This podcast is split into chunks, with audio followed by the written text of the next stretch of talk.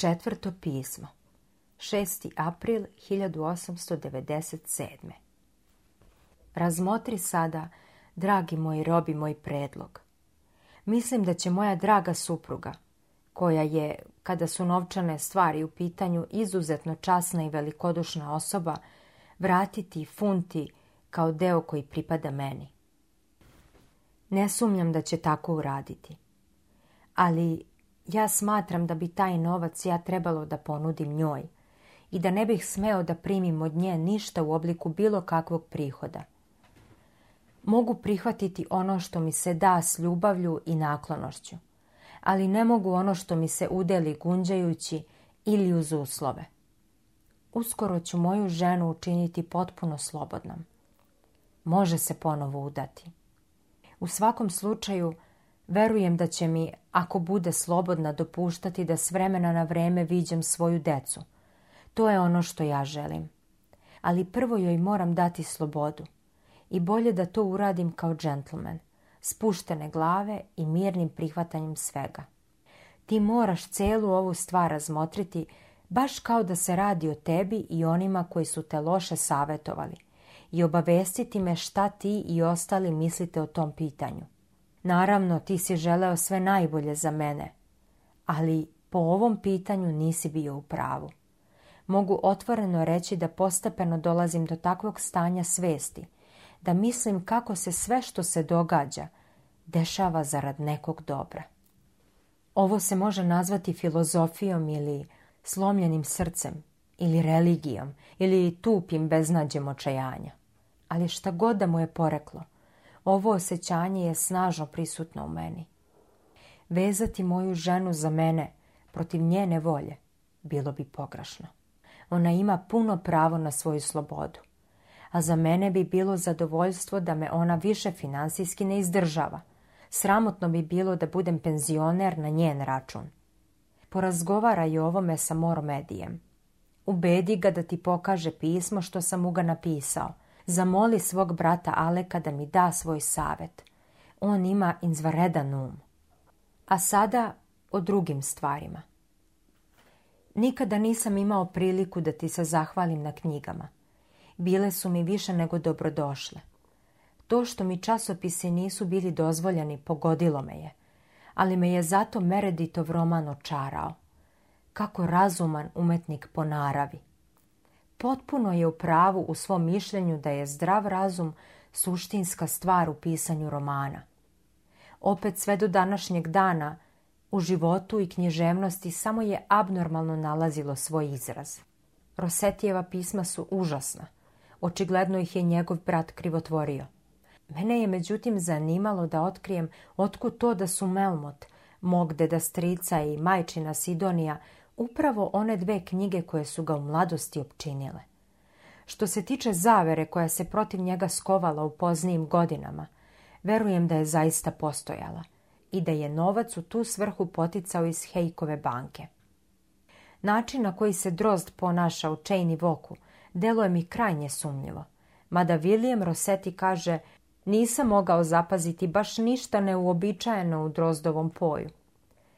Stevensonova pisma su također potpuno razočaranje. Vidim da je romantično okruženje najgore moguće okruženje za jednog romantičarskog pisca. U jednom Gover Streetu Stevenson je mogao napisati nova tri musketara. Na samoji pisao je Timesu pisma o Nemcima. Također vidim tragove strahovitog napora da se živi i vodi način života u saglasju s prirodom. Nema toga ko bi bio u stanju da opiše proces cepanja drva u kome nema nikakve koristi za sebe ili profita koji to može drugima doneti. Zapravo, život u saglasju s prirodom je nesvestan život. Stevenson samo proširuje sferu artificijalnog time što se poduhvata kopanja.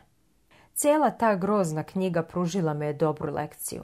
Ako ostatak svog života provedem u kafeu, Čitajući Bodlera, vodit ću mnogo prirodniji život nego da sadim živice ili uzgajam kakao u tropima. NRT je strahovito precenjena knjiga. To je čist žurnalizam. Nikada ne uspeva da natera čoveka da čuje ni jednu notu muzike koju opisuje. Tema je sjajna, ali stil je svakako bezvredan, aljkav, mlitav. Francuski kojim se tu piše gorije od onetovog. Onet se trudi da bude svakodnevan i uspeva u tome. Hisman pokušava da ne bude, a jeste. Hardijev roman je sladak, a stil mu je savršena. Harold Frederick veoma zanimljiv u onome čime se bavi. Mimo toga, teško da ima još koji roman u zatvorskoj biblioteci za mene i ostale sirote utamničene momke s kojima sam ovde.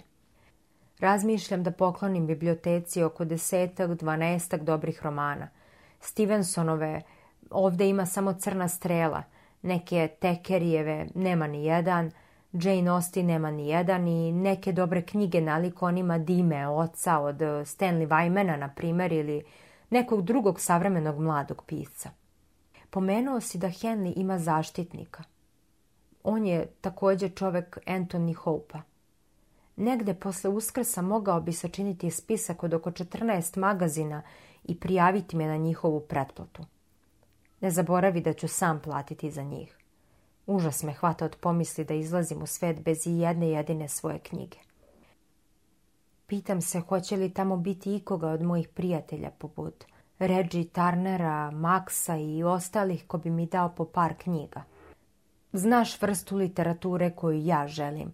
Flober, Stevenson, Baudelaire, Metterling, Dima Otac. Kitz Marlowe, Chatterton, Coleridge, eh, Anatol Franz, Gautier, Dante i sva Danteova dela, Gete i sva Geteova dela i tako dalje. Smatrao bih velikim komplimentom kada bi me te knjige po izlasku čekale. I možda tamo napolju još imam nekoliko prijatelja koji bi voljeli da mi iskažu svoju ljubaznost. Čovjek je zahvalno biće, premda ja, plašim se, često izgledam kao da nisam ali opet imaj na umu da sam ja imao neprestanih briga i mimo zatvorskog života. U odgovoru na ovo pismo možeš mi napisati jedno podugačko u kome ćeš mi ispričati sve o komadima koji se igraju i knjigama.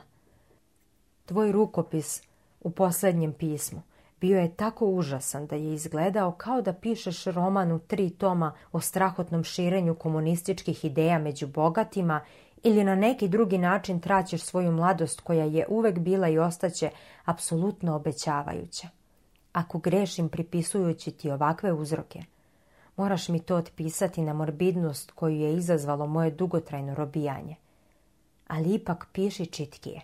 U suprotnom, je kao da želiš nešto da prikriješ.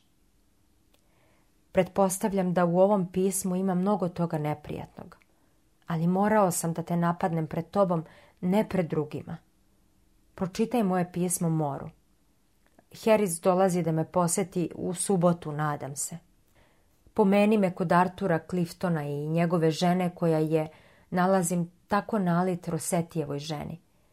Ista ta divna kosa, ali, naravno, mnogo ljubkije naravi, da je gospođica Sidal opčinjavajuća kao i njena pesma. Uvek tvoji, Oskar.